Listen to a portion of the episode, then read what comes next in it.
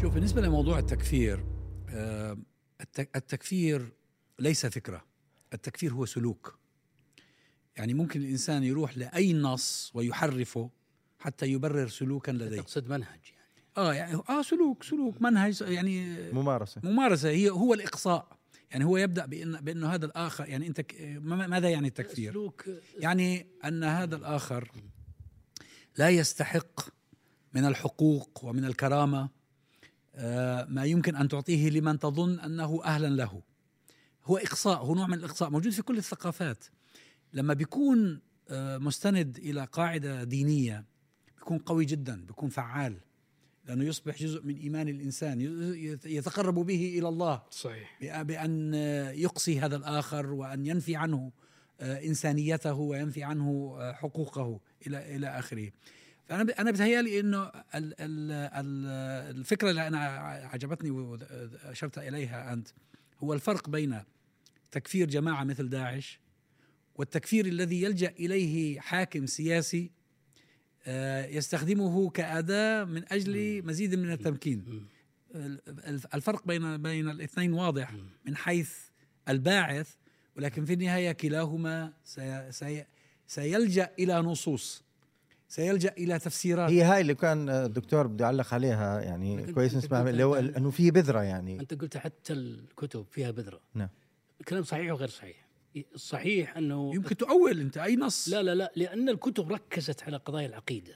امم بقوة وتشددت في الكلام عن فمن قرأها دون السياق الذي خرجت فيه وجد نفسه يتحمس بهذا الاتجاه امم ويعبر الخط الأحمر. ال- هذه نقطة. النقطة الثانية إيه، آه، أنه في بعض المواقع بعض المواضع فهم فيها الشيخ إما فهم خطأ أو ربما هو أخطأ يعني قضية مم. التكفير التكفير الجهل بال العذر بالجهل. العذر بالله يعني اتهم الشيخ أنه لا يعذر لا يأخذ الجهل. الجهل بال مع أنه دافع عن نفسه في هذه وقال أنا لا أقول بذلك. لكن هذا في المرحلة الأولى. ليس قبل تمكن الدولة. نعم. ف- فهذا يعني هذا الكلام يعني في مآخذ تفصيلية وفي مآخذ كلية، المأخذ الكلي إنه اخذ خارج السياق وكتب في العقيدة مكتوبة كلها عن يعني كفر توحي وإيمان. بنوع من التشدد. كفر نعم. وإيمان فيأخذها الإنسان خارج عن سياقها ف مم. والآن الناحيه الثانية هي بعض التفصيلات اللي هي العذر بالجهل التي آه، في بعض المشايخ عندنا حتى حتى المشايخ المستقلين ما هم مع الدولة ولا هم ولا هم آه، دواعش ولا شيء يعني آه، بدون تسمية. أحد المشايخ في مكة الان سجين ممن يرى آه، أنه لا عذر لا يعذر الإنسان بالجهل. فهناك إذا نشأ في بيئة إسلامية. ونشأ في الاسلام وفي بيئة علم يعني اي ومع ذلك يرى عدم العذر بالجهل. فهناك بذور آه، نعم صحيح. لكنها في الجملة في الجملة الكتب الأكاديمية في سيا في حدود ما كتبه ابن تيمية وعلماء وهذا طبعا ما هو ال- البذور ال- أو ال- ال- ال- ال- اللي ما سميته اللي هو كونفيوجن يعني اللي هو ارتباك. آه ارتباك. انه هو بقرأ عن عن عن العقيدة فبالتالي آه، قد يأخذها خارج سياقها لأنه التركيز ما كتب هو عن العقيدة. لما يجي ناس بعد مئة عام من بداية أو من ظهور الحركة الوهابية ويقرأوا هذه هذا الأمر ويصير عندهم الالتباس. ويشوف في ممارسات هذا بيخلق ال ال الارتباك الحقيقي الذي يجعل الكثيرين يعتقدوا بأنه ال- ال- الفكرة الوهابية مسؤولة عن كثير من من التفكير هو عن هو. هو الحقيقة كان دائما في عامل سياسي من وراها يعني مثلا أنا أذكر إنه بعض الجماعات الآن تحسب على الجامية وال إحنا ما كنا نعرف في فترة من الفترات لما كنا ندخل في آه، وأنا شاب صغير يعني في مناظرات معهم وفي جدل ما نعرف إنه آه، مرتبطين بمؤسسة رسمية. إيه نعم. اتضح فيما بعد أن هؤلاء وظيفتهم ومهمتهم وهدفهم في الحياة هو أن يكفر الآخرين آه، من من من باب التضليل.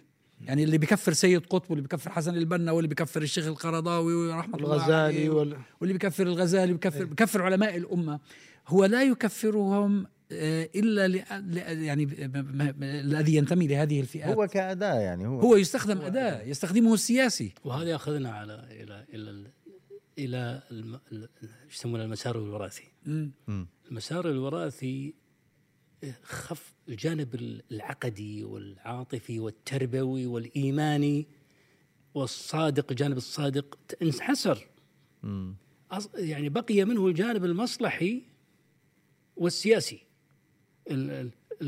عبد العزيز حينما بدأ مشروعه زعم أنه يجدد دعوة الشيخ وحينما أتى بالإخوان من طاع الله كان يتواضع أمامهم ويت- ويتصنع التواضع إلى درجة كأنه عمر بن عبد العزيز حتى كانوا هو ينكرون عليه ينكرون عليه المنكر هو وهو واقف ويضحك على أساس إنه يعني يستحق يستحق أن يصحح تصرفاته.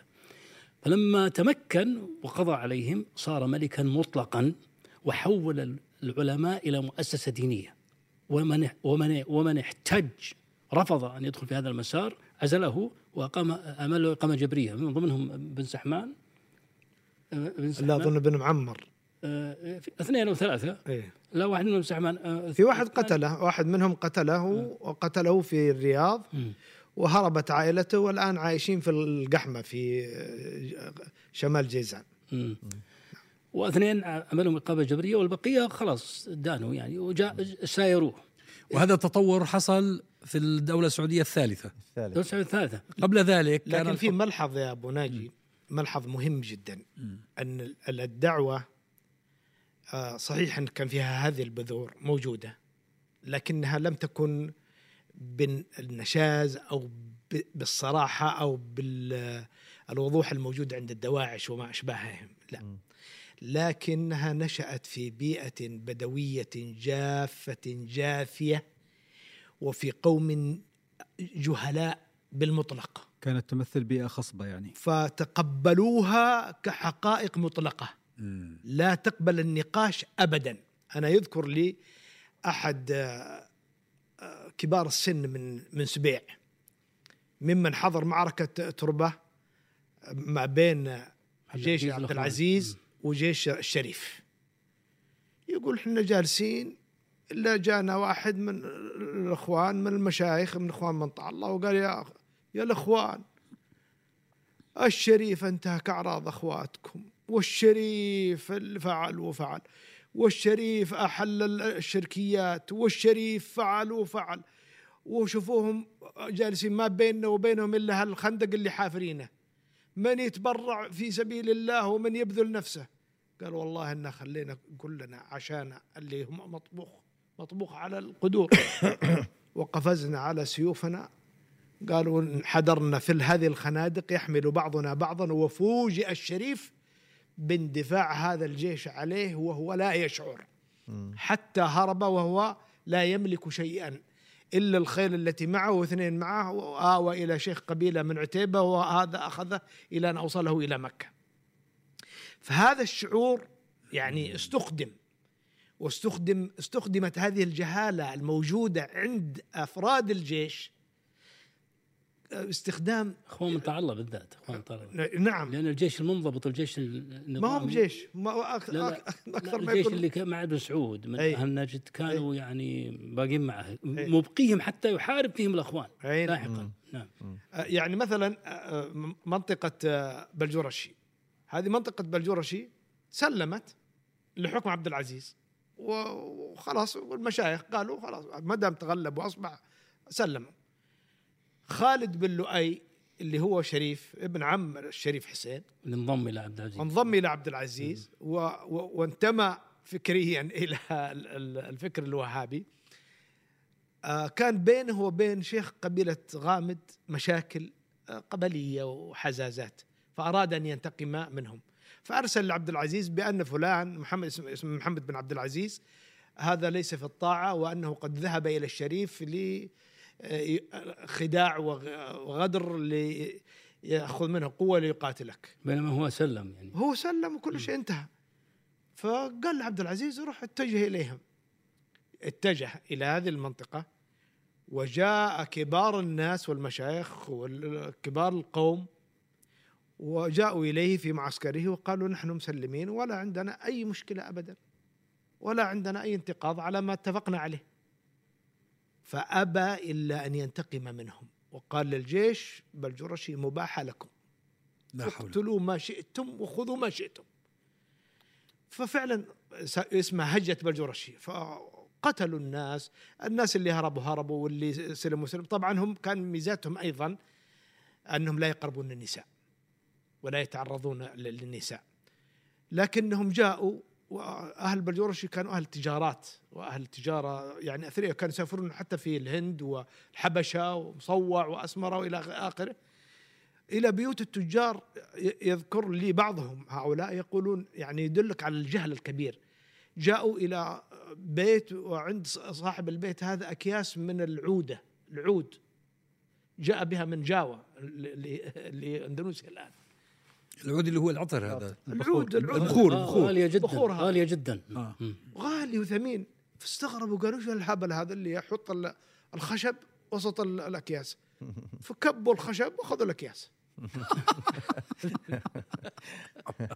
فهذه جهالة يعني كانت موجودة. وكان يعني بعضهم فعلا من من أتباع هؤلاء ال- الجهلة يقولون إذا كانت وجدوا امرأة حامل وماشيه في طريقها. قالوا في بطنها زنديخ. يقولوا له زنديخ يعني زنديق. وما بتلد إلا زنديق زي أبوه. مم. فاقتلوها اقتلوا الزنديق لا حول ولا قوة. هي مثل مثل الخوارج الأوائل يعني. يعني ف السبب الجهالة الضخمة والهائلة. وطبعا هاي الجرائم ترتكب باسم الدعوة وباسم الدين. طبعا هو- والناس طبعا يتداولونها. وما حصل في الطائف أيضا بعد بعد بالضبط. معركة تربة نعم. حصل شيء من, من هذا القبيل. هاجموا على بيوت الناس واحتلوها وأخذوا منها وسرقوا منها ونهبوا. معظمهم بادية. معظمهم لم يقرأوا ولم يكتبوا ولم يعرفوا من الدين شيئا إلا ما عرفوه من خلال مجالستهم لهؤلاء الناس أو مسايرتهم لهم في الطريق. فقط لا يعرفون إلا هذا. وكانت طبيعتهم الأساسية أنهم أصحاب سلب ونهب وغير ذلك من الأمور. فهذا هذا العامل أيضا كان له تأثير في تشويه وإعطاء صورة غير جيدة عن ال ال. عن الدعوة الوهابية وأنها دعوة تكفيرية ودعوة تسفك الدماء و- وإلى آخره والسبب وجود هؤلاء الناس يعني حتى بعد آه، بعد عهد الملك عبد العزيز مثلا أنا أذكر على سبيل المثال شخص واحد في عهد الملك سعود هذا الشخص من قومنا وكان شيخا لأبي رحمهم الله جميعا أعطاه الملك سعود سيارات وأعطاها أخوياه وقال لك من شرق من شمال الجزيرة إلى جنوبها لا تترك بيت ولا تترك قرية ولا حاضرة إلا تدعوهم وتعلمهم الدين. ومن لم يقبل منك فعند معك الأخوية بطوه بال- بالجريد اضربوه. وهذا من جده فعلا. والشيخ ش- أنا أعرفه شخصيا يعني. شيخ مقتنع مقتنع إلى أبعد درجات الاقتناع. وفعلا وم- ومر على الناس. كان من ضمن الأشياء طبعا والدي كان تلميذه. عندنا في قبائلنا وقبائل الجنوب عموما إذا يتشاتمون يقولون خذوه يا جن افعلوا به يا سبعة يا سكون يا يدعون هكذا. فقال بأن دعاء غير الله كفر. فناقشه بعض تلامذتهم ومنهم والدي. قال يا شيخ هؤلاء يتشاتمون ولا يعتقدون لا في جن ولا يعتقدون في شيء. إنما هو كلام دارج. وحتى ولو اعتقدوا فهم جهله يحتاجون إلى من يعلمهم. قال من لم يكفر الكافر فهو مثلهم. أنت مهجور لا تقابلني ولا أراك ولا أعد أسمعك. وهجره طول حياته. سبحان الله. وهجر كل من لم يقل بكفر من يدعو الجن. مم. وكان دعاهم للجن هو شتائم بينهم ليست لم تكن مجرد دعاء. مجرد كلمات دارجة. أي نعم. حديثك أبو ناجي في البداية عن موضوع التكفير ربما نأخذ التكفير أو نفهمه على أنه بوابة لاستباحة الدماء والقتل أو ربما تطور منطقي أن التكفير مرحلة أولى بمعنى أنه إقصاء ثم القتل. هو مبرر. أو مبرر. الجرائم التي تحدث عنها الدكتور سعيد بدأت من قبل الدولة السعودية الثالثة أو ما أو دخول الملك عبد العزيز.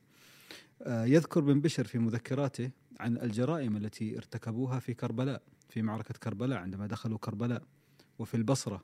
بل داخل الجزيرة العربية نفسها في المدينة المنورة وفي الطائف وفي مكة. ارتكبوا فظائع يعني لا يمكن تصورها وبالمناسبة بن بشر لمن لا يعلم هو من المؤرخين المحسوبين على الفكر الوهابي يعني لا يذكر هذا الكلام ت- نعم. تجنيا عليه ليس نعم. تجنيا بالعكس إنما هو ت- يعني تحقيق ارتكبوا فظائع في كربلاء وفي البصرة فكانوا بالفعل هذه يعني الدعوة نحو التكفير التي أدت بالضرورة نحو القتل هي شوهت الدعوة الأولى أيوة. المنبثقة من الشيخ محمد بن عبد الوهاب وأخذت كمنصه ظهرت على إثرها جماعات معاصرة مثل داعش على سبيل المثال. يعني هم في الك- في الكتاب مثلا في عند ابن بشر وابن غنام يقول وقد غزا المسلمون البلده الفلانيه المسلمون يقصد الجيش هم.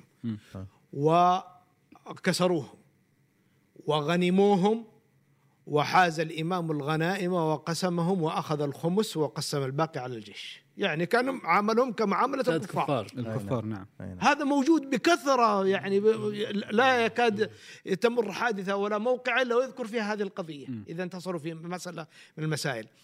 بالتالي هذا أيضا ي- يشير لنا إلى مسألة رئيسية أساسية. إن آل سعود آه، محمد بن سعود و وقبل السعود بن بن مرخان ويعني أهله وكذا كانت كانوا هم القب... كأي قبائل أخرى في داخل الجزيرة العربية مهمتهم أو أو طريقتهم لكسب العيش هو الغزو. الغزو. يغزو بعضهم على بعض نعم. قبيلة تغزو على قبيلة وعشيرة تغزو على عشيرة. كان هذا شغلهم هذا هو فعلهم ويسمونهم الحنشل العرف الاجتماعي يعني. وينتشرون وبال يعني مما يؤسف له وانهم مورس حتى هذا الأمر حتى بعد قيام الدولة. فقد غزيت أماكن وبلدان وبلدات في نجد لأن أهلها أثرياء وعندهم إما نخيل أو عندهم من الجمال أعداد هائلة أو عندهم من الأغنام أعداد هائلة. غزيت لا على أساس أنها خرجت عن الطاعة أو نقضت العهد أو ما أشبه ذلك. وان وإن ادعوا ذلك ولكن لأجل الحصول على الغنائم. وهنا وهنا, وهنا, وهنا الإشكال الرئيسي إيه يعني نعم. ثقافة الغزو هي ثقافة عربية منذ الجاهلية. قبيلة تغزو على قبيلة أخرى. لكن عندما تأخذ هذه الثقافة منحى ديني بمعنى أن يكون الغزو آه ليس المبرر أو الدافع له أخذ الغنيمة وإنما الدافع له عقيدة. هو ترى والدافع له بانه بأن الطرف الآخر هم كفار. الغزو ترى عند كل الشعوب. هو هذا تب... هذا هذا هذا التبرير على فكرة. يعني هذا مش هو الدافع. العقيدة ليست هي الدافع. العقيدة تبرر. هو هو, هو يستخدم حتى يبرر لا. جرم. ليه؟ لأنه شوف آه هو لو لو آه أراد أن ينام في الليل وضميره مرتاح سيشعر بأنه ارتكب جرائم بشعة. مم. لن يستطيع النوم. كيف يمكن أن يرتاح ضميره؟ بأن يقول إنني قمت بذلك بأمر من ديني بأمر من ربي إرضاء لربي وبذلك هو يرتاح يلقي هذا العبء عن كاهليه بس أنا يعني أكرر انه الدولة السعودية الأولى خاصة في صدرها كانت قناعة قناعة يعني الغزو ما أصحاب كان- رسالة ما كان. مصالح أصحاب قناعة رسالة، صحيح. ولا سياسة قنا- قناعة كاملة إنه أن يقاتلون سواء كفار أو خارجين عن الطاقة ايا كان يقاتلون قتالا بهذه عقدي الطريقة. عقدي لكن بعد عبد العزيز كانت السياسة بالمطلق. يعني عبد العزيز لما راحوا لتربه في القتال كتب رسالة خاف خاف ينهزمون و- ثم يتمكن منه الشريف حسين. كتب رسالة الشريف حسين بسرعة. يريد ان يريد أن يسبق أي الاحداث نعم. قال ترى اللي جايينك جايين بدون اذني أي نعم? وصاغها وصياغها بطريقة بحيث لو وقعت في يد ال- الإخوان. ما تضره. إي نعم صحيح. فقال قال إذا انكسر خلاص الرسالة راحت راحت وراح صاحبها. إي نعم. وإذا انهزم يعني. واذا إذا انتصر أنا سلمت. أنا تبرأت من هذه الجريمة. فالرجل يعني آه، ثابت إنه كان مصلحيا وكان يريد أن يستغل هؤلاء. وف- وفعلا وبالمناسبة يعني عودة للمسار الثالث عبد العزيز هو الذي بدأ التغيير. يعني عبد العزيز فتح الصفحة مع, مع الإنجليز أخذ منهم فلوس واستعان بأموالهم و آه، ثم الأمريكان وهو الذي أسس لمفهوم الدولة القطرية الحديثة. يعني ما كان ما الأخوان قالوا له ليش ليش نتوقف؟ يعني نحن نفتح الفتوحات نروح للعراق نروح الكويت قال له ما في خلاص هذا ال- الإنجليز قالوا لي بيرسي. كوكس قال كذا. الانجليز قالوا لي- رسموا له الخارطة. بيرسي كوكس قال له خلاص هذا حدك. لكن هذا بالمناسبة لا يعني أن عبد العزيز جاء على دبابة الإنجليز كما يسوق البعض. صح يعني صح. لهذا لا. كان يعني مقاتل كان مقاتل إيه. وكان عنيد وكان صاحب مشروع. داهية ذكي جدا. آه بس هو اجى على وقت تغيرت فيه الدنيا. يعني الجيوبوليتكس دخلت أي مرحلة جديدة. كان نفعي يعني. والقوى الغربية وضعت يدها على المنطقة ورسمت الخرائط. فكان لابد أن يلتزم. لكن ترى هناك بالمناسبة لم يكن هذه تكن هذه الذرائع الدينية مقصورة على آه، الدعوة الوهابية. مثلا أذكر على سبيل المثال الإدريسي لما جاء حكم في منطقة جيزان تسمى المخلاف السليماني حكم في مدينة صبيا الإدريسي زعم للناس بأنه ولي من أولياء م. الله سبحانه وتعالى وأنه وريث النبوة ومن لم يؤمن. بولايته وبكونه وريث فإنه يستحق القتل. م. وهو فعلا بدأ يجتاح المناطق هذه بهذه التسمية بهذه الدعوة. وقتل من الناس من قتل واجتاح من المناطق ما اجتاح. وفعل الأفاعيل بنفس الذريعة لكن بوجه آخر. هذا موجود يعني. حتى, حتى العثمانيين لما حاربوا الوهابيين حاربوهم برسالة دينية يعني. نعم. اتهموهم باتهامات. يجيشون الناس عليها. صحيح. تتمه الموضوع عبد العزيز عبد العزيز حينما استقر له الأمر وخلاص تخلص من الإخوان وصار ملك مطلق أسس لمفهوم الدولة الدولة الملكية آه، ولكنه كان يعلم أنه بحاجة للمشروع الوهابي.